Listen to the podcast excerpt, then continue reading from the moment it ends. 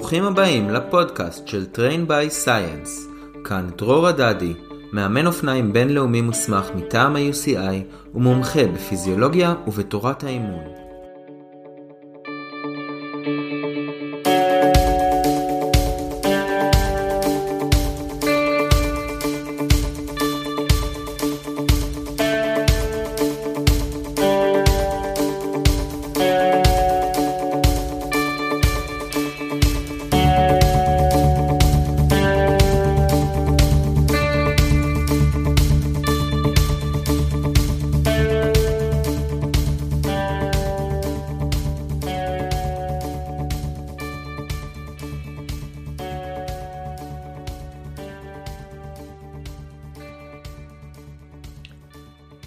הקודם שנגע לטיפוסים דיברנו על שתי סוגיות מרכזיות וראיינתי את גיל קשי שנתן עצות לאיך לטפס יותר טוב. אתם מוזמנים לגשת לפרק הקודם אם עוד לא שמעתם אותו על מנת שבפרק הזה תבינו בצורה יותר טובה מה הם הדברים שאני מדבר עליהם.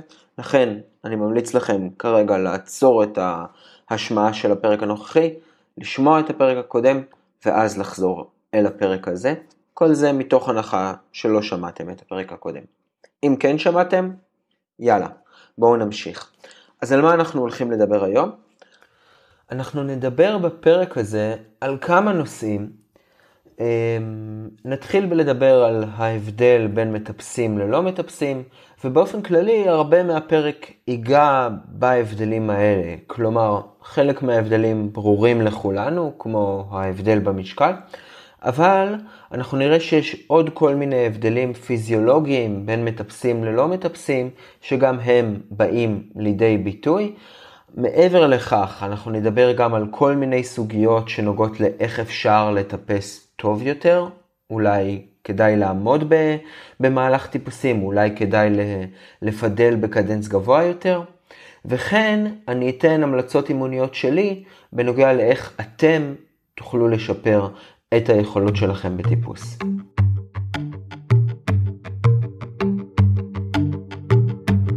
פה ושם הזכרתי בפודקאסט את קבוצת White City Racing, אותה אני מנהל ומאמן יחד עם אלון לרר. אלון, אותו שמעתם בפרקים על אווירודינמיות ועל חיכוך מתגלגל. קבוצת WCR זו קבוצה עם חבורה מדהימה של אנשים, שמכל אימון יוצאים עם חיוך.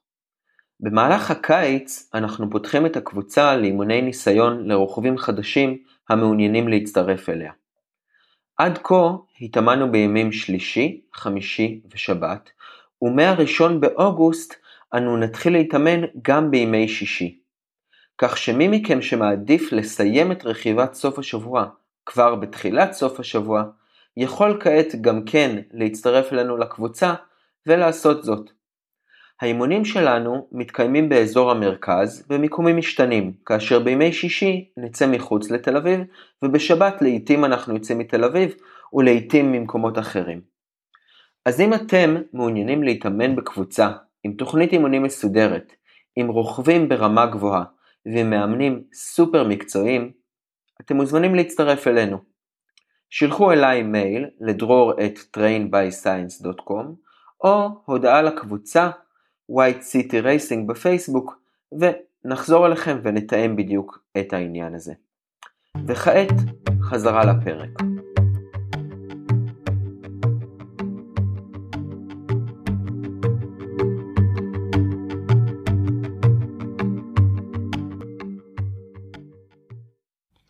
אז בואו, בואו נתחיל בהתחלה. ואני קצת דואג שאולי לא הבהרתי את זה בצורה מספיק ברורה בפרק הקודם, ואני רוצה להבהיר שההבדל הברור ביותר בין מטפסים ללא מטפסים הוא במשקל. והנושא הזה של המשקל הוא לא רק חשוב, אלא הוא קריטי. בסופו של דבר, כשאתם מטפסים עלייה, ההבדל הכי משמעותי בין שני רוכבים יהיה הנושא הזה של המשקל. כשאתם מורידים את המשקל שלכם בעליות משופעות, על כל 10% שאתם תורידו במשקל, אתם תשפרו את הביצועים שלכם במשהו קרוב ל-10%. כן? כלומר, אם נגיד תורידו 10% במשקל, אתם תשפרו סדר גודל של 8, 9, אולי אפילו 10% כמעט אה, במהירות שאתם תטפסו. ולכן המשקל בשורה התחתונה זה הכי משמעותי.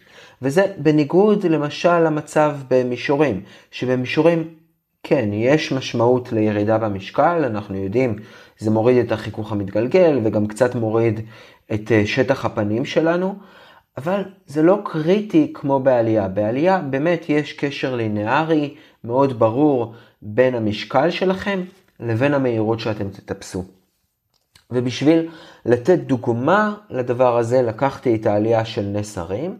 בעלייה של נס הרים, אם אתם שוקלים 70 קילוגרם לצורך העניין, ויש לכם אופניים של 9 קילוגרם, כך שהמשקל הכולל שלכם הוא 79 קילוגרם, בהנחה ותטפסו את נס הרים ב-300 ואט, הזמן שזה ייקח לכם זה 20 דקות ו-35 שניות. אוקיי? שזה סדר גודל נשמע הגיוני באמת עבור אה, רוכב במשקל הזה. תורידו 5 קילוגרם מזה, בין אם זה יהיה במשקל שלכם עצמו, ובין אם תורידו מהאופניים איזשהו משקל, כן? כלומר, מאופניים של 9 קילוגרם אפשר להוריד 2.2 קילוגרם ולהגיע ל-6.8 קילוגרם. אם תצליחו לבוא ולהוריד את החמישה קילוגרם הכוללים האלה, אתם תשפרו את הזמן שלכם ביותר מדקה, מ-20.35 ל-19.33, שזה ירידה מטורפת בזמן, וחמישה קילוגרם זה לא משקל שהוא כל כך פסיכי להוריד. תורידו בקבוקי מים, תורידו פנימיות ומשאבה, כבר הורדתם איזה קילו, תורידו עוד משקל מהאופניים, תורידו מעצמכם איזה שני קילוגרם, ואתם שם, ושיפרתם את היכולת שלכם בנס הרים בזמן מאוד משמעותי, כן, ברמה של דקה, שזה המון. אז בשורה התחתונה, זה ההבדל הכי הכי הכי גדול בין מטפסים ללא מטפסים. אבל למרות שאמרתי את כל זה עכשיו, אתם תראו שברגע שאני קצת אצלול פנימה לתוך הנושאים האלה לעומק, אה, אתם תראו שלמרות זאת, זה לא שתמיד חייבים להוריד במשקל, זה לא תמיד מה שיעזור לכם. או לפחות תלוי איזה משקל אתם מורידים. כדאי להוריד משקל שהוא שומן שאינו הכרחי, לא כדאי להוריד משקל של מסת שריר. אז בואו ניכנס קצת לנושא הזה, ותרשו לי רגע טיפה, טיפה לסטות לנושא צדדי, כדי שנוכל לחזור לנושא המרכזי שלנו, שהוא איך לטפס יותר טוב והמדע של הטיפוס. אז בהקשר של המשקל, חשוב שנדבר על איך הגוף משתנה ביחס לשינויים במשקל. אנחנו יודעים שאם אנחנו למשל נבוא ונעלה בעשרה קילוגרם, לא הכל ישתנה ביחס לעשרה קילוגרם האלה. כלומר, ה-VO2 max שלנו לא בהכרח יעלה באופן מקביל לעשרה קילוגרם האלה.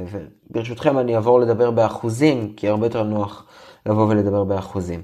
אז נגיד, אם אתם תעלו בעשרה אחוז בגובה שלכם, האם המשמעות של כך היא שגם המשקל שלכם יעלה בעשרה אחוז? התשובה היא שלא. כן? כלומר, כשאנחנו עולים ב-10% בגובה, אנחנו מצפים לעלייה עוד יותר גדולה במשקל, כי הגובה הוא רק ציר אחד, יש לנו עוד צירים שגם כן מושפעים מזה, כן? אנחנו גוף תלת-ממדי ולא דו-ממדי. אבל אם תעלו ב-10% בגובה, איך זה ישפיע על צריכת החמצן שלכם? איך זה ישפיע על הוואטים שלכם? איך זה ישפיע על שטח הפנים שאתם תופסים? כמה אתם אווירודינמיים? לכל הדברים האלה תהיה השפעה. ואלומטריה נוגעת בנושא של מה תהיה ההשפעה. ברגע שאני אעלה ב-10% בגובה או 10% במשקל, איך זה ישפיע על הפרמטרים האחרים. במאמר שפורסם בשנת 2001 על ידי איניגו מוחיקה וסבינו פדילה, או פדילה, הם בדקו את המאפיינים של רוכבי טור דה פרנס מסוגים שונים, טפסים, מישוריסטים, נגשיסטים ו-all arounders. והם נגעו באמת בנושאים האלה של האלומטריה. חשוב לומר, איניגו מוחיקה הוא אחד החוקרים המובילים בעולם הזה, הוא גם קצת מאמן של רוכבים ברמת הוולטור, ובאופן כללי הוא נתפס כ... כבחור מאוד רציני בספורט שלנו. אז מוחיקה ופדילה, המטרה שלהם הייתה להבין מה פרופיל הרוכב המתאים על מנת לנצח גרנד טור. אבל לענייננו הם נתנו תמונה מאוד מאוד יפה שמשווה בין טפסים לבין שאר הקבוצות. ואני אזכיר, הם לקחו 24 רוכבים והם חילקו אותם לטפסים, למישוריסטים, לנגשיסטים ולרוכבים שהם all arounders, שיודעים בעצם לעשות הכל, ואז הם ישבו בין הקבוצות השונות. למשל, אמרו שטפסים, המשקל הממוצע שלהם הוא 62 קילוגרם, של נגשיסטים המשקל הממוצע הוא 74. אני לא זוכר בדיוק את המספר, אבל אתם מבינים למה אני מתכוון. בואו ונבין מה המאפיינים, גם הפיזיים וגם הפיזיולוגיים של כל אחת מהקבוצות האלה, ואולי זה יוכל לתת לנו הבנה יותר טובה של איך לנצח טור דה פרנס, ושל גם ההבדלים בין סוגי הרוכבים האלה. אז איזה מאפיינים בעצם הם באו ובדקו? הם בדקו כמה מאפיינים. ראשית, הם בדקו את הגובה של הרוכבים, שנית, את שטח הפנים שהם תופסים, את צריכת החמצן המרבית של הרוכבים האלה, וכן את האנרגיה הנדרשת על מנת לטפס. ואני מזכיר שלמרות שלכאורה אולי אתם חושבים, רגע, מה זאת אומרת, האנרגיה הנדרשת לטפס היא לא פונקציה רק של המשקל שלהם? התשובה היא שלא. אני מזכיר לכם, דיברנו על זה. בעלייה לא צריך רק להתנגד לכוח המשיכה, צריך גם להתנגד לחיכוך עם האוויר, כלומר לאווירודינמיות. אה, יש משקל לחיכוך מתגלגל. וכן, כמובן, עוד נושא שאנחנו שוכחים קצת, זה שמשקל האופניים לא משתנה באופן פרופורציונלי לרוכב. משקל האופניים משתדלים שיהיה 6.8 קילוגרם. על רוכב ששוקל 50 אה, קילו זה יותר מ-10% מהמשקל שלו. על רוכב ששוקל 70-80 קילו זה הרבה הרבה פחות. ולכן גם פה יש משמעות בעצם אמ, לכמות האנרגיה שנדרשת על מנת לטפס. אז בואו קצת נדבר על איך כל אחד מהפרמטרים האלה משתנה ביחס למשקל, כן? שזה המדד שבו הם השתמשו במחקר. ושוב, אני מזכיר, אנחנו לא מדברים פה על משקל של שומן מיותר שאין בו צורך, אנחנו מדברים פה על משקל שהוא מסת שריר, כן? מדובר פה ברוכבי טור דה פרנס. לחבר'ה האלה אין שומן מיותר בגוף, אמ, ולכן המחקר עוסק בהם. עוסק בנושא של רוכבים שהמשקל שלהם שעולה הוא, הוא משקל של מסת שריר. אוקיי, אז הפרמטר הראשון שהם באו והסתכלו עליו הוא הפרמטר של הוואטים, של כמה כוח בעצם הרוכבים עולים יחד עם עלייה במסת שריר. ומה שהם ראו, שעל עלייה של 10% במסת השריר, גם הוואטים יעלו ב-10%.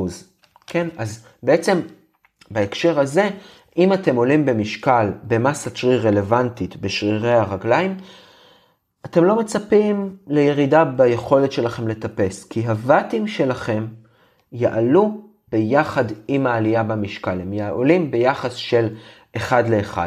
וזה, וזה מאוד חשוב לזכור את הנקודה הזאת, כי כשאנחנו מדברים על פרמטרים האחרים שהם דנים בהם, הם לא נשארים זהים. היחס שם הוא לא אחד לאחד, ולכן כשאנחנו מעלים מסת שריר, באופן כללי זה טוב. זה מעלה גם את המהירות שלנו במישורים, אבל גם את המהירות שלנו בעלייה. הפרמטר השני שהם הסתכלו עליו זה הפרמטר של שטח הפנים. אני אזכיר שטח פנים, יש לנו מכפלה של CD כפול A, CDA, A זה שטח הפנים. בעצם שטח הפנים זה בערך כמו לדבר על האווירודינמיות בהנחה וה-CD לא משתנה. ואם אין לכם שום מושג על מה אני מדבר עכשיו, תחזרו לפרק שנוגע לאווירודינמיות. באופן כללי אנחנו מדברים פה על CD, על הצורה של רוכב, כן? צורה של כנף היא הרבה יותר מהירה מסתם צורה עגולה, ועל ה-A זה שטח הפנים, זה אם תצלמו רוכב מקדימה, כמה אתם תראו בעצם בתמונה כשממש אתם תופסים אותו אה, בצורה אופקית לחלוטין.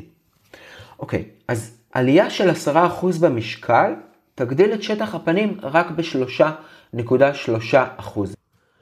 בעצם בהקשר הזה של האווירודינמיות זה משתלם לעלות בבתים. או לעלות במשקל במסת שריר. כי על עלייה של 10% אנחנו רק מגדילים את שטח הפנים ב-3.3%. המשמעות של זה היא שאנחנו הפסדנו מעט מאוד בתחום הזה של האווירודינמיות ביחס לוואטים שקיבלנו. כן, קיבלנו 10% בוואטים, אבל עלינו רק ב-3.3% של שטח פנים, וזה מצוין, זה אחלה. ואנחנו רואים את זה באמת, רוכבים כבדים יותר, למרות שהם כבדים יותר, הם נוסעים הרבה הרבה יותר מהר מרוכבים קלים במישורים, והסיבה לכך פשוטה. הם יודעים לייצר הרבה יותר ואטים, ושטח הפנים שלהם לא הרבה יותר גדול, הוא גדול רק בערך בשליש משטח הפנים של הרוכבים הקלים יותר. זה אומר, שימו לב, באיזו נחיתות משמעותית נמצאים מטפסים בהקשר הזה של מישורים. כן, קשה להם מאוד לייצר את הוואטים הנדרשים על מנת לנסוע בקצבים של הרוכבים המשטוריסטים. קשה להם לבוא ולעשות למשל נגד השעון מישורי בצורה מאוד טובה, כי פשוט שטח הפנים שלהם ביחס לוואטים שלהם הוא לא טוב. היחס הזה הוא לא טוב אצלם כמו שהוא טוב אצל רוכבים כבדים יותר.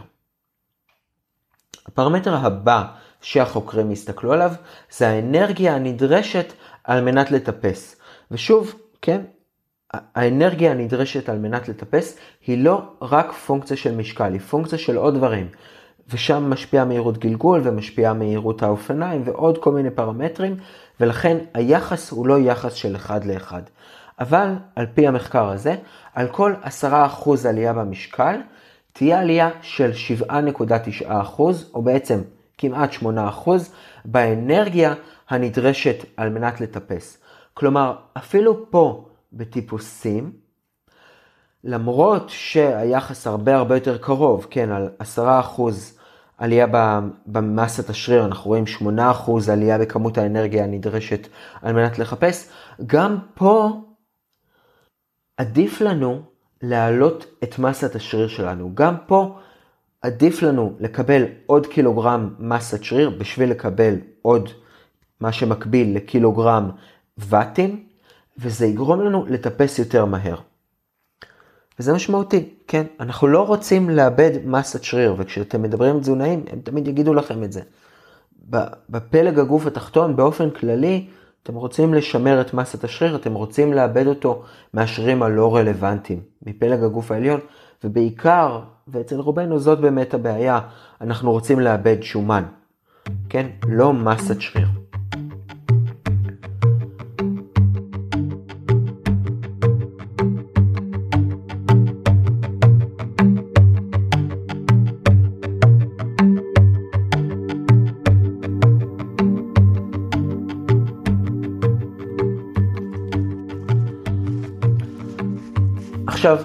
אני מניח שלפחות חלקכם אולי קצת מרימים עכשיו גבה, אני יודע שאני קראתי את זה ומאוד הופתעתי, כי זה מאוד מאוד טבוע בנו הנושא הזה שאנחנו רוצים להוריד במשקל וזה יעזור לנו לטפס יותר טוב.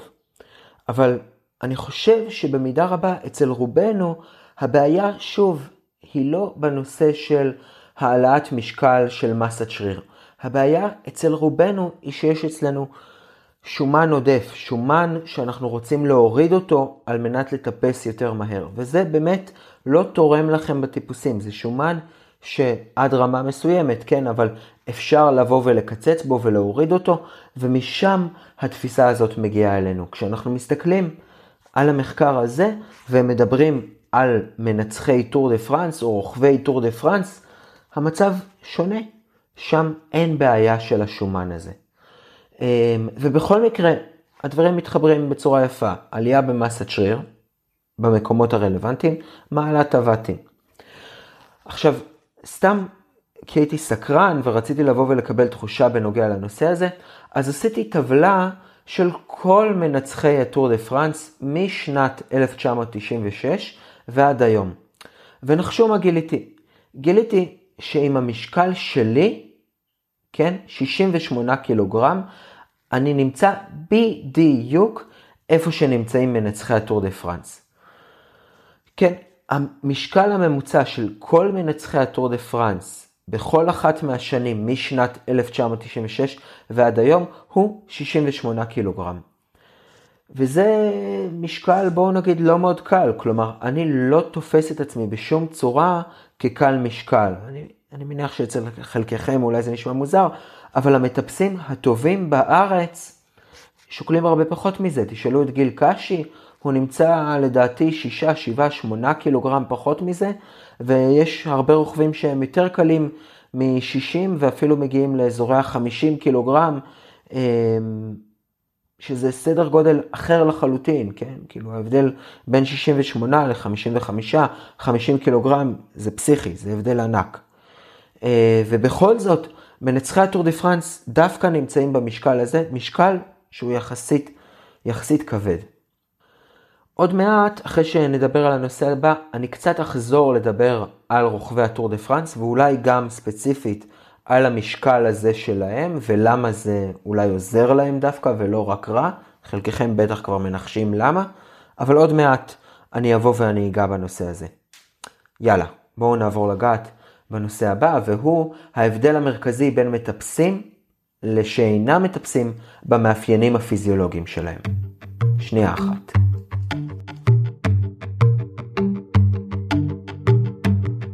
אני רוצה לספר לכם על תוכנית אימונים ספציפית לעליות שבניתי בחודשים האחרונים על בסיס עבודה עם מספר רב של רוכבים על נושא זה. תוכנית האימונים הזו תעזור לכם להפוך למטפסים טובים יותר על ידי עבודה ממוקדת על האלמנטים החשובים לטיפוס. התוכנית מתמקדת כמובן בכושר כללי, אשר נדרש על מנת להשתפר בעליות, אך גם בטכניקה בשרירים ואפילו ביכולות המנטליות הנדרשות על מנת להשתפר בעליות. בניתי את התוכנית הזו משום שהרגשתי שרוכבים רבים מעוניינים להשתפר ספציפית בנושא זה, אבל לא יודעים איך לעשות את זה. התוכנית הינה כללית ואינה כוללת ליווי אישי צמוד שלי, אך עדיין מבוססת על הידע שצברתי לאורך שנים כמאמן ועל תוכניות אימונים אישיות שנכתבו לטובת טיפוסים. לפרטים נוספים אודות נושא זה, אתם מוזמנים להיכנס לאתר שלי trainbyscience.com או לשלוח אליי מייל לדרור את trainbyscience.com. זהו, אשמח לשמוע מכם. וכעת, בואו נמשיך בפרק.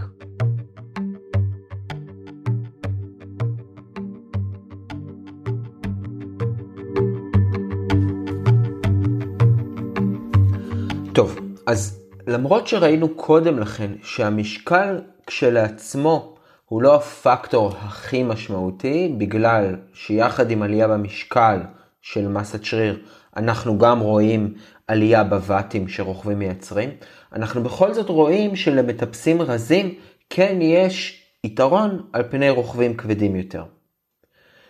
ואיפה היתרון הזה? היתרון הזה נמצא א', בנושא של צריכת חמצן מרבית גבוהה יותר, כן? באותו מחקר שהתחלתי כבר לדבר עליו, של מוחיקה, רואים שבצריכת חמצן מרבית יש למטפסים צריכת חמצן מרבית גבוהה יותר.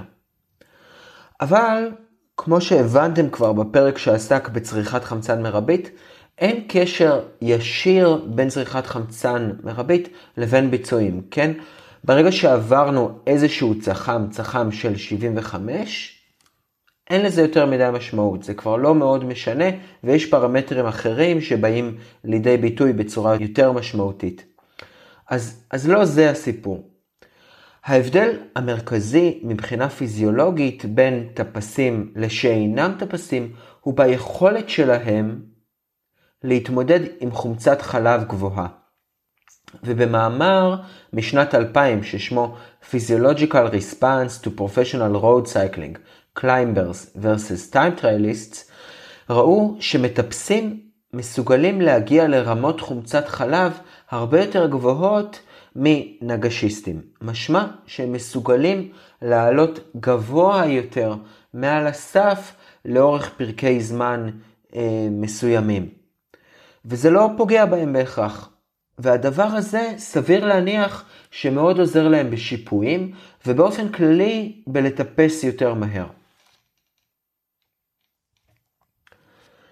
אם אנחנו נסתכל על עלייה, אנחנו ננסה רגע לחשוב, אוקיי, אם רוכב בא ומסוגל לעלות לרמת חומצת חלב גבוהה יותר, זה אומר שהוא מסוגל לדחוף ואטים גבוהים יותר ביחס לסף שלו לאורך פרקי זמן מסוימים ולהישאר שם, כן? הוא לא קורס בגלל שהוא עלה ל... לא יודע, 12 מילימול חומצת חלב בדם.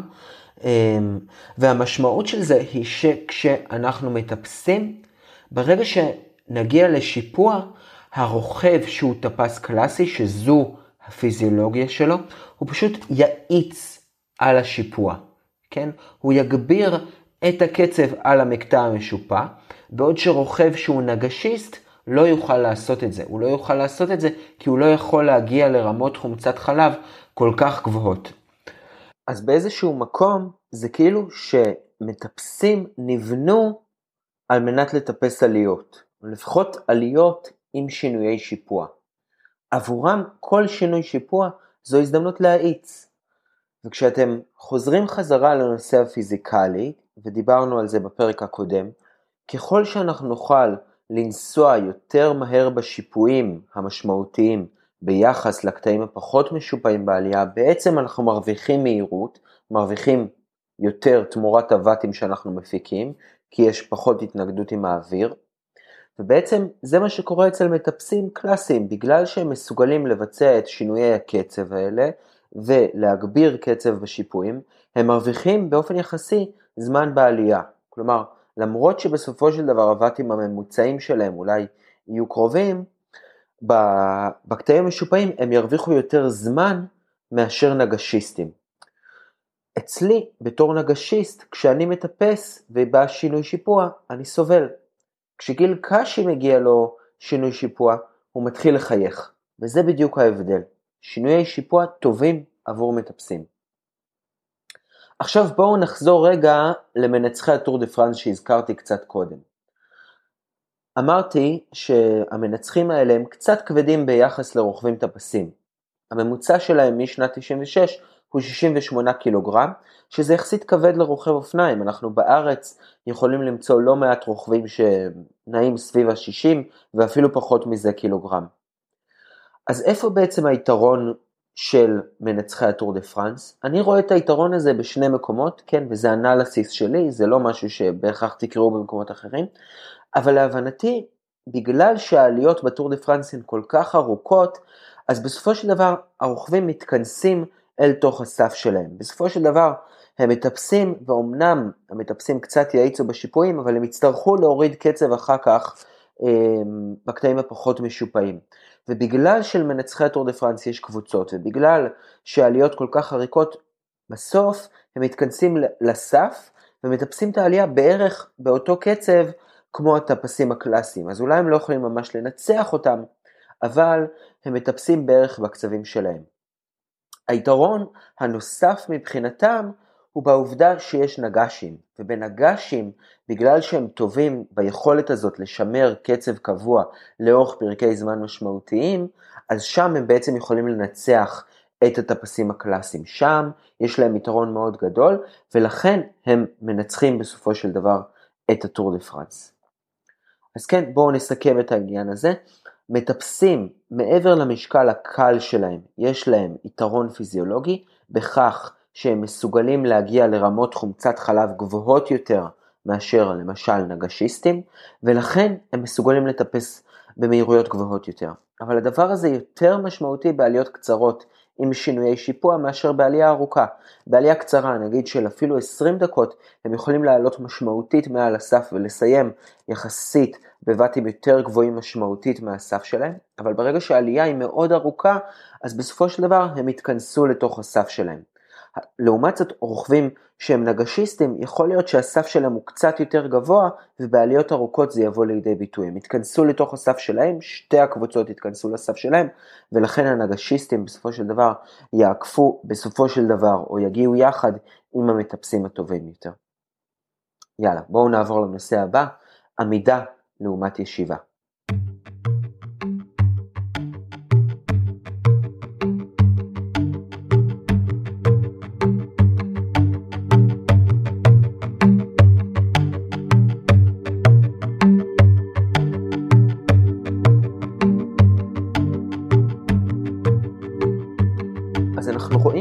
פעמים שטפסים, וראינו את זה בריאיון עם גיל קשי, מאוד מאוד אוהבים לעבור לעמידה. במחקר משנת 2017 בשם Physiological and Biomechanical Response between seated and standing positions during distance-based uphill time trials in elite cyclists, הם בדקו למה רוכבי אופניים בעצם מחליטים לעמוד בעלייה. והמסקנה שלהם הייתה שהעמידה מיועדת על מנת לנסות לשמור כמה שיותר על מהירות זהה לכל אורך העלייה. והם אומרים שהוואטים עולים בערך ב-12.6% ברגע שרוכבים נעמדים, ובעצם ככה הם מנסים לשמר את המהירות הקבועה לאורך העלייה. בעצם ברגע שהם נעמדים הם מעלים את הוואטים ומצליחים לשמר מהירות יותר יציבה לאורך העלייה. ואני מזכיר לכם את הריאיון עם קאשי שבו הוא מדבר על משהו כזה. בואו נשמע את הקטע הרלוונטי. כשאתה עומד אתה שומר על מהירות, אתה לאו לא דווקא מנסה לעשות, אה, להגביר, זה לא ספרינט. כשאתה כן. עומד בעלייה אתה לא עושה ספרינט, אתה עומד בשביל לנצל, אה, לשמור על המהירות ולנצל את משקל הגוף, לזרוק את האופניים ימינה-שמאלה ולהישאר במהירות שלך, להישאר ב... אתה נכנס לטראנס כלשהו. כן. אז uh, אתה דווקא מחזק את מה שאני אומר. אני לא אומר שכשאתה עומד, אתה לאו דווקא מגביר את המהירות. אתה משמר אותה הרבה אתה משמר אותה, כן. מעולה.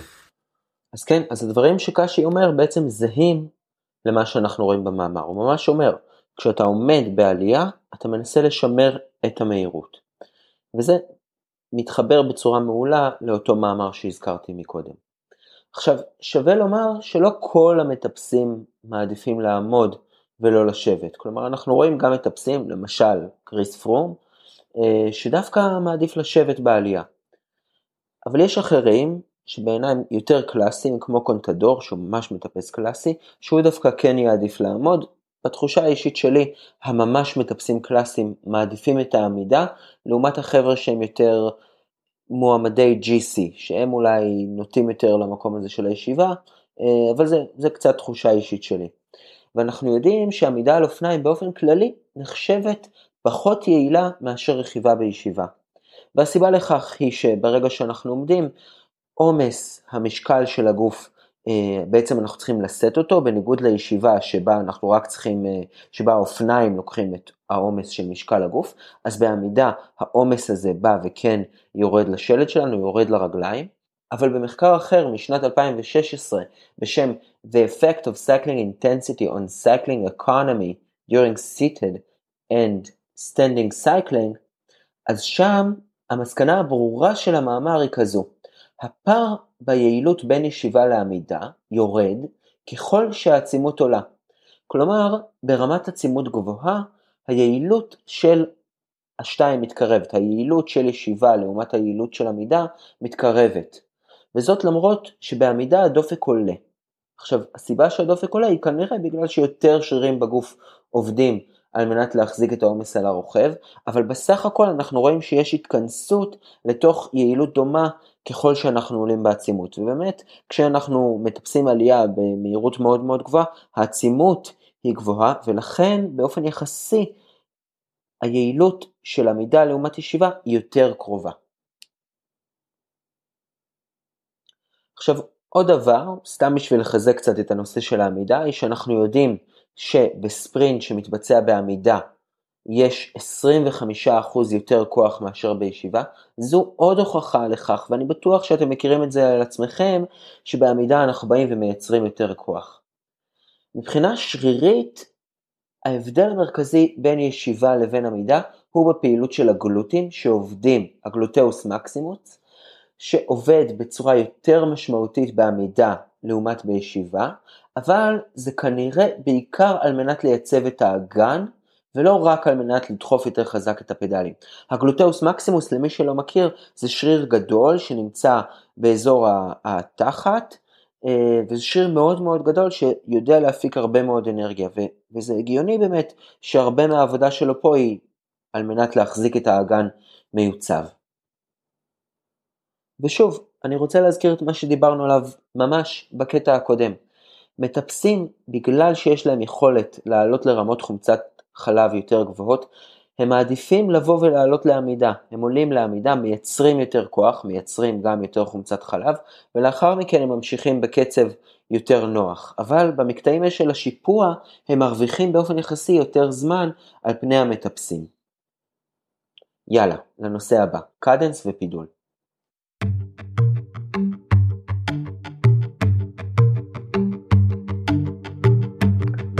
אז תראו, בנושא של פידול, קדנס, הפעלת שרירים באופן כללי בעלייה, אני לא הצלחתי למצוא הרבה מאוד מאמרים שממש סיפקו אותי.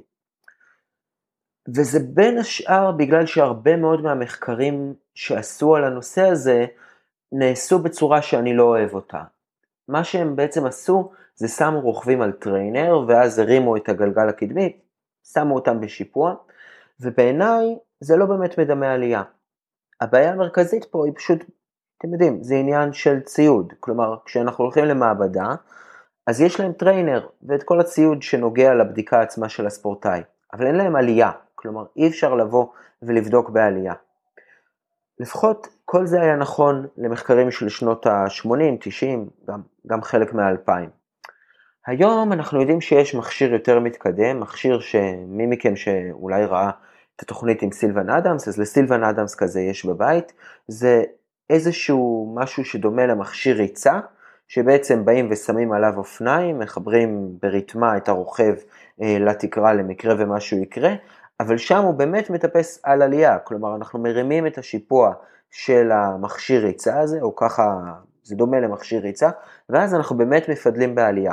ברגע שיש לנו את הדבר הזה, אז במחקרים מודרניים אנחנו נוכל לבוא ולעשות בדיקות יותר משמעותיות על רוכבים באמת בתנאים שהם כמו עלייה, ולא סתם לבוא ולשנות את הזווית רכיבה שלהם, שינוי שהוא בעיניי פשוט לא נכון, כלומר זה לא באמת האפקט האמיתי על הגוף. אמ, אבל אני לא הצלחתי עדיין למצוא מחקר משמעותי שמשתמש בטכניקה הזאת. אני מניח שבשנים הקרובות אנחנו נראה יותר ויותר דברים כאלה, אפילו שמעתי שמועות על כך שבמעבדה החדשה שמקימים באוניברסיטת תל אביב יש מכשיר כזה, ולכו תדעו, אולי נציע להם לבוא ולעשות בדיוק את המחקר הזה, אני, אני אישית אשמח לדבר איתם על זה, אבל, אבל זה המצב. ולפעמים זה מתסכל שבמחקר אין את כל התשובות שאנחנו רוצים, ואולי זה בעצם העולם המדעי האמיתי, כן? כלומר, תמיד יש עוד מה לחקור, תמיד יש עוד תשובה לגלות. לפעמים אנחנו מגלים שהתשובות שכבר חשבנו שהן נכונות הן לא נכונות, ואנחנו תמיד רוצים עוד ועוד ועוד תשובות. אבל זה המצב, ולכן החלק הזה של הפודקאסט קצת פחות מבוסס על מחקרים, וקצת יותר מבוסס על הניסיון האישי שלי, עם עבודה מול רוכבים שונים ודברים שבאנו וניסינו, כן, גם על מחקרים, כי אני לא יכול לעזוב את הדבר הזה, אבל תהיו מודעים לכך ש, שהפרק הזה, ברמה המחקרית, יש פה בסיס מחקרי קצת פחות טוב מאשר בפרקים הקודמים. אז בואו נתחיל מהנושא של מהירות פידול. ותראו, אנחנו מכירים כל מיני רוכבים, כל מיני טפסים, שמפדלים במגוון מהירויות, כלומר יש טפסים מדהימים שמפדלים במהירויות מאוד נמוכות, קחו את יאן אולריך כדוגמה לכך, אחרים דווקא מפדלים במהירות יותר גבוהות, וגיל קשי אפילו סיפר לנו שעם השינוי בתקופה המודרנית, בואו נגיד בתקופה של ארמסטרונג ראינו את הדבר הזה בצורה מאוד בולטת, גם הוא בא ושינה את ה cadence שלו ל cadence יותר גבוה והוא מרגיש איתו יותר נוח. באמת ארמסטרונג הוא בין הראשונים שאני לפחות זוכר שבאו ופידלו ב cadence גבוה, ואני חושב שהיום הרבה מהרוכבים המודרניים מטפסים בצורה הזאת. אם תחשבו על קריס פרום, ואם תחשבו על אה, דומולן ועל אה, אה, קונטדור והרבה מאוד מהחבר'ה האלה, הקדנסים מטפסים בהם בעליות הם מאוד מאוד גבוהים. עכשיו, למרות שזה המצב אצל רוכבים ברמות הכי גבוהות, עצם זה שהם מפדלים בקדנס מאוד גבוה, אני אישית לא בטוח שזה כשלעצמו אומר שגם אנחנו, בני התמותה הרגילים, צריכים לפדל בקדנס כל כך גבוה. אני עוד רגע אגע בזה, אבל בואו נגיד במאמר מוסגר, עצם זה שהספורטאים ברמות הכי גבוהות עושים משהו, זה לא בהכרח אומר שכולנו צריכים לבוא ולעשות אותו גם כן. זה לא בהכרח אומר שזה הדבר הנכון עבורנו, וזה בגלל שיש הבדלים פיזיולוגיים מאוד גדולים בינינו לבינם. רק לדוגמה אחת, להם יש VO2 max הרבה יותר גבוה משלנו בכלל. המערכת האירובית שלהם הרבה הרבה יותר טובה משלנו, ויכול להיות שזה משפיע על היכולת שלהם גם כן לפדל בקדנס גבוה בעלייה. אז כן, אז פשוט שאלו אותי את השאלה הזאת דווקא בהקשר של, של נגשים, שלכאורה רוכבים ברמות הגבוהות מפדלים בקדנסים גבוהים, אני לא יודע אם זה נכון או לא, ואני אישית לא בטוח שזה נכון אה, לנגשים, ויכול להיות שגם פה, עצם זה שרוכבים ברמות הכי גבוהות עושים משהו, זה לא, זה לא הוכחה לכך שכולנו צריכים לעשות את זה. ודוגמה אחת לכך, אגב, היא שאנחנו יודעים שהקדנס הכי יעיל הוא לא בהכרח הקדנס הכי גבוה, כן? אנחנו יודעים ממחקר, ממגוון רחב של מחקרים, שהקדנס הכי יעיל מבחינה אנרגטית הוא לא הקדנס 90-100 שרוב הרוכבים וגם, וגם רובנו הולכים אליו, אלא דווקא הקדנס הכי יעיל מבחינה אנרגטית יותר נמצא באזורים של קדנס של 60. אה, כן, ובכל זאת רובנו מעדיפים לרכוב בקדנסים גבוהים יותר, קדנסים של 90-100, כנראה יש פה משהו שהמחקר לא בהכרח מצליח להבין בצורה מלאה, אבל עובדה, ככה, ככה רובנו רוכבים ויש סיבה שהגוף הולך למקום הזה. עכשיו, השאלה היא, למה בעליות הקדנס לא מתכנס ל-90-100? למה בעצם כשאנחנו מגיעים לעלייה, אפילו אם יש לנו את ההילוכים לכך, אנחנו לא נלך על 90-100? אני לא יודע את התשובה לזה. אני לא יודע למה אנחנו לא בוחרים ללכת לקדנס הזה. יכול להיות שזה קשור באמת לנושא האנרגטי, יכול להיות שזה נסו, יכול להיות שזה קשור לנושא של אנרגיה קינטית שדיברנו עליה בפרק הקודם, אני לא יודע מה התשובה פה. אני כן יודע שזה המצב אבל. עכשיו, באחת הכתבות של ולוניוז, שזה לא גוף מדעי, כן, אבל המאמנים שם זה מאמנים שאני מעריך, אני גם בקשר אישי מולם, הם מדברים על כך שאפשר לראות שבפידול, הפידול של לא מטפסים, יש בו יותר חלקים מתים מאשר בפידול של אנשים שהם כן טפסים. למה הכוונה בחלקים מתים? אם אנחנו מסתכלים על הפידול שלנו אה, בראייה של שעון, אז הטפסים יפעילו לאורך חלק יותר משמעותי מהשעון, כן, מהמחוג של השעון, אנרגיה וכוח על הפדלים, לעומת הלא טפסים שלמשל יפעילו את הכוח בעיקר בין שעה 12 ל-3 או בין 2 ל-5. הטפסים יפעילו את הכוח לאורך חלקים יותר משמעותיים, במקום 2 עד 5 הם יפעילו את הכוח נגיד מ-12 עד 5, עד 6, עד 7, עד 8. לאורך חלק יותר משמעותי הם יפעילו את האנרגיה, יפעילו כוח על הפדלים, וזה משהו שהיה אפשר לראות בכתבה הזאת של ולוניוס, שבה הם השתמשו בטכנולוגיה די מתקדמת בשביל לבדוק את העניין הזה. והם אומרים שהרבה מהדבר הזה מתחבר לקדנס. המטפסים טיפסו בקדנס גבוה יותר, וכך היו להם פחות נקודות מתות לאורך הפידול. בהשוואה ללא מטפסים, מה בעצם המשמעות? המשמעות היא שיש יותר קטעים בפידול שאנחנו לא מפעילים בהם כוח, או במילים אחרות, אנחנו שמים יותר עומס על שריר בודד, בעיקר על שריר הארבע ראשי, שהוא זה שמפעיל הרבה מאוד מהכוח. בעצם יכול להיות שבקדנס מהיר יותר, קדנס שבו אנחנו מפעילים כוח לאורך חלק יותר משמעותי מסיבוב הפידול, אנחנו מפזרים את העומס בין יותר שרירים, ולכן מסוגלים לטפס בצורה יותר טובה. ואני יכול להגיד לכם שלדעתי באופן אישי ובאופן כללי מהניסיון שצברתי בעבודה מול רוכבים וגם, וגם אני ברמה האישית, על מנת לשפר את יכולת הטיפוס שלכם, יש חשיבות מאוד גדולה לנושא הזה של עבודה על קדנס מהיר בטיפוסים. בעיניי זה מייצר פידול שעושה שימוש ביותר שרירים ומשפר את היעילות ואת היכולת שלכם לטפס בצורה טובה. ואנחנו מרגישים, או אנחנו מכירים את הדוגמה ההפוכה, כן, כשאנחנו מפדלים בריבועים וגמורים לגמרי, אנחנו יכולים להרגיש את זה שהכוח מופעל בחלק מאוד מאוד ספציפי של הפידול, בזווית מאוד מסוימת של הפדל, ולא בכל השאר, וזה בדיוק מה שאנחנו מנסים להימנע ממנו כשאנחנו מפדלים בקדנס גבוה, כשאנחנו מפדלים פידול יותר עגול, אמ, אז אנחנו עוצמתיים יותר, אנחנו מצליחים להפעיל כוח לאורך חלק יותר ארוך של הפידול.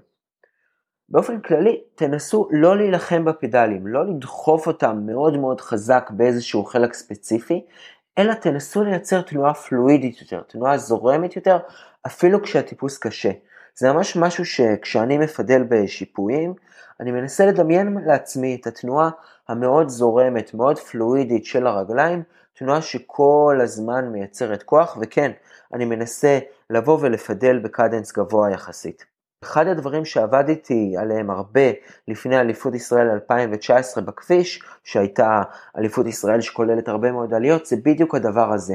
יש שם קטעים משופעים, ובכלל בעליות, באתי ומאוד מאוד ניסיתי לרכז את המאמץ שלי על הקטעים המשופעים, ושם לפדל בקדנסים מאוד מאוד גבוהים. ואפילו עשיתי לעצמי משחקים.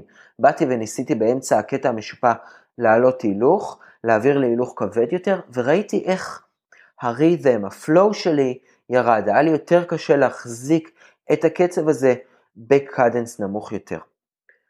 דווקא בקדנס הגבוה היה איזושהי תחושה של זרימה, איזושהי תחושה של טראנס, קשי קרא לזה, תחושה שבה הקצב שלי נשאר קבוע, שיש סינכרון מאוד טוב בין הנשימות שלי, הפידול שלי והקצב שאני מטפס בו. יש סרטון שאפשר לראות שהקבוצה, שקבוצת White City Racing, הקבוצה שאני מאמן, פרסמה של הקטע האחרון של העלייה שאני מבצע אותו, ושם ממש אפשר לראות יפה כמה גבוה הקדנס שלי בחלק האחרון של העלייה, אפילו שאני מפורק לגמרי ומגיע לקו הסיום. אז זה ממש דבר בעיניי מאוד מאוד משמעותי, ו- וזה תרגילים שצריך לבוא ולעשות אותם. לעלות על עליות, לתרגל בשיפועים ולפדל בקדנס גבוה. בהתחלה זה שורף, הרגליים ממש לא מבינות מה קורה פה, זה לא נוח, זה לא נעים.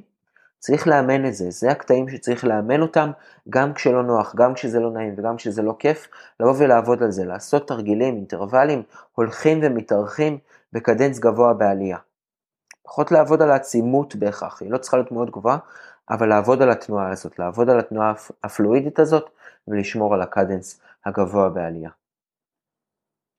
כמה מילים על הנושא של פעולת שרירים, וגם, זה נושא שלא הצלחתי למצוא עליו מחקר מדהים. אנחנו יכולים לשחק קצת עם השרירים שאנחנו מפעילים בעלייה על מנת לתת להם לנוח, וקאשי קצת דיבר על זה שאפשר לבוא ולעמוד או לשבת על מנת לתת לשרירים קצת לנוח.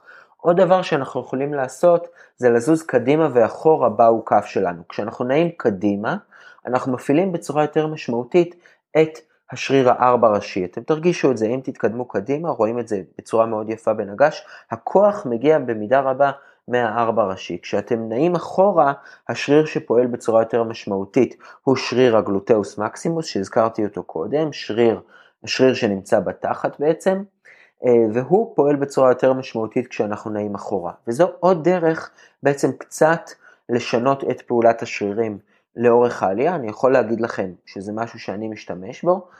הארבע ראשי שלי מתעייף, אני עובר אחורה, האחורה מתעייף, אני עובר לעמידה, ומשחק בעצם עם השרירים שאני מפעיל לכל אורך העלייה.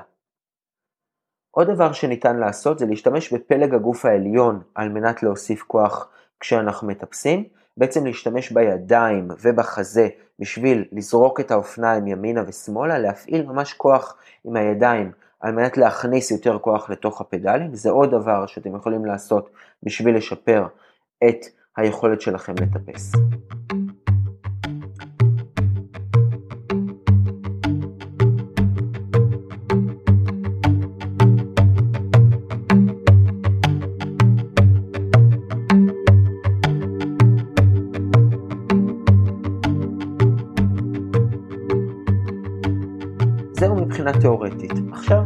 רוצה לתת כמה המלצות אימוניות קטנות שלי, את חלקן כבר נתתי לאורך הפרק, אבל בואו נעשה סיכום של ההמלצות האימוניות שיש לי לתת לכם על מנת לשפר את היכולת שלכם בעליות.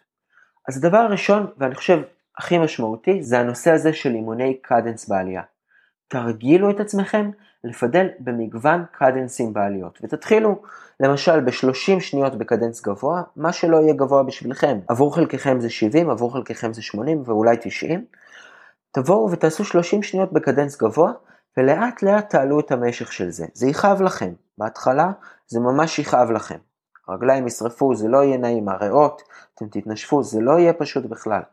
אבל עם הזמן, כשאתם תתרגלו לזה, אתם תראו איך קל לכם יותר לטפס בקדנסים גבוהים, פידול שבעיניי הוא יותר נכון. הדבר השני הוא לבוא ולעשות שינויי קדנס בעלייה. זה קצת דומה לתרגילי over-under, תרגילים שבהם אנחנו עולים ויורדים מתחת לסף. אבל פה, במקום להתמקד בסף, המיקוד הוא בשינוי הקדנס. תדמיינו שיש איזשהו קדנס שנוח לכם לטפס בו, נגיד קדנס של 70, אז חלק מהזמן תהיו באזור הזה, 65, 70, ואז תבואו ותגבירו את הקצב אה, ל-80, ל-85.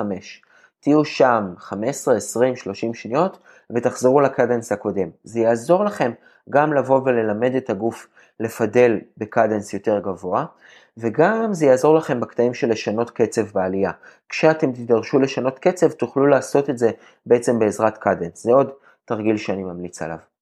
הדבר הבא שאני ממליץ עליו זה לתרגל עמידה. הרבה מאיתנו לא עושים את זה כי לא בהכרח נוח לנו לבוא ולעמוד. תתרגלו את הנושא הזה של לבוא לעמוד בעלייה. כשאתם עושים את זה, תקרבו את האגן לכידון ותנסו להשתמש בפלג הגוף העליון על מנת להזיז את האופניים ימינה ושמאלה.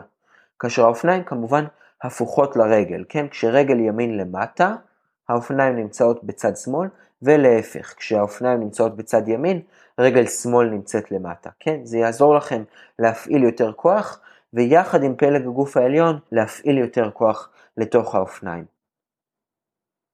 הדבר הבא שאני ממליץ לעשות, זה לתרגל שינויי קצב בעלייה, בדגש על השיפועים. הרבה פעמים כשאני נותן את התרגיל הזה, אני אומר, תגיעו לשיפוע, ושם תגבירו את הקצב. בעצם, מה אנחנו מנסים לעשות פה? אנחנו מנסים ללמד את עצמנו לטפס כמו שמטפסים עושים. כשמטפסים מגיעים לקטעים משופעים, הם נעמדים על הפדלים ומגבירים את הקצב. ואנחנו מנסים במהלך התרגיל הזה לעשות בדיוק אותו דבר, ללמד את עצמנו שכשמגיעים לשיפוע יותר קשה, יותר משופע, אנחנו נעמדים, מפעילים יותר כוח, לא מורידים את הכוח ולא נשארים באותו כוח. וזה עוד תרגיל שבעצם יעזור לכם לטפס יותר מהר, כמו שדיברנו עליו בפרק הקודם, מבחינה פיזיקלית עדיף להפעיל יותר כוח בקטעים המשופעים. עוד תרגיל שכדאי לעשות זה באמת התרגיל הזה של over-under, בעצם תתפסו את, ה, את העלייה בקצב קרוב לסף שלכם, או ממש על הסף, או בסדר גודל 90% מהסף במשך, זה משתנה, אבל נגיד 2-3 דקות, ואז תבואו ותגבירו את הקצב לקצב שמעל הסף. קחו 30 עד 60 שניות, תעלו מעל הסף ואז תחזרו. בעצם תשחקו כל הזמן עם העניין הזה של לרדת ולעלות מעל הסף, וזה עוד תרגיל מצוין בשביל להתמודד עם שינוי קצב בעלייה, בעצם שזה הרבה ממה שמנסים לעשות לנו כשאנחנו מטפסים, מנסים לפרק אותנו, וזה, וזה דרך טובה לבוא ולהתמודד עם העניין הזה. הדבר האחרון, ההמלצה האימונית האחרונה שלי, היא לבוא ולחלק את העלייה למקטעים. אל תחשבו על העלייה כולה, זה, זה הרבה פעמים נראה ארוך מדי, זה כמו שאינטרוול 20 דקות נראה נורא ארוך, אבל אם נפצל אותו למקטעים של 4 דקות עם 5 שניות מנוחה ביניהם, אז זה כבר יהיה הרבה הרבה יותר נסבל, למרות שמבחינה פיזיולוגית זה באורך אותו דבר. אז גם בעלייה תבואו ותעשו אותו דבר. תנסו לחלק את העלייה למקטעים קצרים יותר, נגיד תבואו ותגידו אוקיי, אני עכשיו מטפס עד השלט בעוד 300 מטר, אחריו תגידו אני מטפס עד האבן, וכן הלאה וכן הלאה. כל פעם תנסו לסיים את המקטע העומד בפניכם. אל תחשבו על כל העלייה, אלא רק על המקטע הבא. זה יעזור לכם ברמה המנטלית לשמר באופן כללי קצב גבוה יותר לכל אורך העלייה. אז אלו ההמלצות האימוניות שלי. שוב אני אזכיר, אימוני קדנס בעלייה, שינויי קדנס בעלייה, לתרגל עמידה במהלך העליות והפעלת כוח מפלג הגוף העליון, לתרגל שינויי קצב בעלייה, בדגש על שינויי קצב בקטעים המשופעים, אימוני over-under ולחלק את העלייה למקטעים. זהו, זה החלק המרכזי של הפרק הנוכחי. בואו נסכם רגע את הדברים שדיברנו עליהם לאורך שני הפרקים. אז ראשית, באנו ודיברנו על תיאוריית טיפוס. דיברנו בעצם על המשוואה הפיזיקלית שעומדת מאחורי רכיבה בכלל וטיפוס בפרט, דיברנו על זה שהמשקל שלכם מאוד מאוד משמעותי במהלך עליות, ושכדאי לנו להפעיל את עיקר האנרגיה בקטעים המשופעים. לאחר מכן דיברנו על אנרגיה קינטית ועל ההבדל בין האנרגיה הקינטית שלנו בעליות, בהן המהירות נמוכה, לבין מישורים, בהן המהירות גבוהה יותר, מה שגם משפיע על צורת הפידול שלנו. לאחר מכן, בפרק הנוכחי כבר, דיברנו על ההבדל בין מטפסים לשאינם מטפסים, דיברנו כמובן על ההבדל במשקל שהוא סופר קריטי ונורא משמעותי ליכולת שלכם בטיפוס, אבל דיברנו שזה לא הדבר היחיד שמפריד בין טפסים ללא טפסים, אלא גם פיזיולוגיה של טפסים. טפסים מסוגלים לעלות לרמות חומצת חלב גבוהות יותר מאשר רוכבים שאינם טפסים. ואנחנו, עוד דבר שראינו זה שעלייה במשקל, כל עוד מדובר במסת שריר, מעלה גם את הוואטים שלנו בצורה זהה באופן יחסי לעלייה במשקל. עוד דבר שדיברנו עליו זה הנושא של עמידה לעומת ישיבה, אמרנו שהסיבה המרכזית שרוכבים עוברים לעמידה היא על מנת לשמור על קצב קבוע לאורך כל העלייה, מפעילים יותר כוח בעמידה ולכן יכולים לשמור על קצב קבוע, ראינו גם שקאשי בדיוק אמר שזה מה שהוא עושה, ודיברנו על קדנס ועל פידול, ואמרנו שמאוד מאוד כדאי לבוא ולנסות לתרגל את הקדנס הגבוה בעלייה, יכול מאוד להיות שזה מוריד את כמות האזורים המתים, ה-dead spots, במהלך הפידול. אז זה עוד דבר שכדאי לתרגל, וכן דיברנו על פעולת שרירים, ורק לפני רגע באתי ונתתי המלצות אימוניות שלי. זהו, זה סיכום של שני הפרקים על הטיפוס, אני ממש מקווה שהיה לכם מעניין, אני חושב ששני הפרקים באמת נותנים תמונה מאוד מאוד מקיפה על הנושא הזה של הטיפוס, אני יכול להגיד לכם שקראתי אין סוף מאמרים בדרך לה, להבנה הרבה יותר עמוקה של הנושא הזה, ואני גם מרגיש שזה באמת עזר לי, אני באמת יכול להגיד לכם שלהערכתי אחת הסיבות שהצלחתי באליפות ישראל כביש 2019 לבוא ולעמוד על הפודיום, זה, זה המחקר הזה, זה באמת אני חושב אחת הסיבות המרכזיות ששילבתי את, ה, את הידע שצברתי לאורך המחקר הזה אל תוך האימונים שלי וככה השתפרתי ביכולת הטיפוס שלי.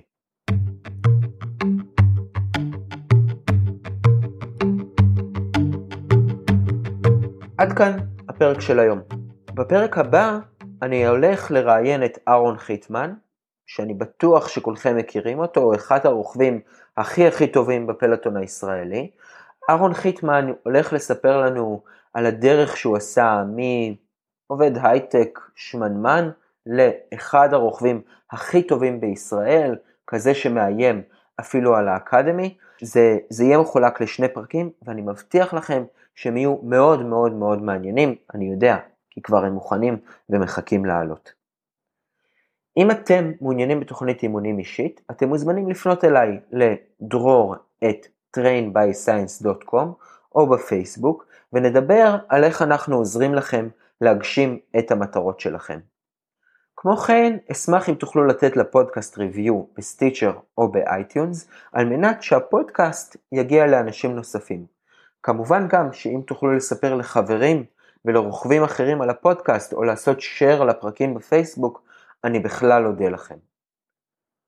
אתם מוזמנים גם להיכנס לקהילת הסיבולת של Train by Science בפייסבוק, שם יש לכם מקום לשאלת שאלות והעלאת דיונים שונים הנוגעים לרכיבה, ובכלל שם גם יש מקום לבוא ולשאול שאלות לקראת ראיונות שונים שאני עושה מול, אה, מול אנשים שונים בתעשייה.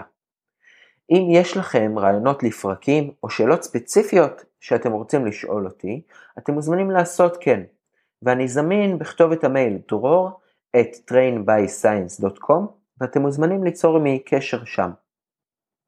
תודה רבה על ההאזנה, שיהיה יום מעולה ורכיבות בטוחות.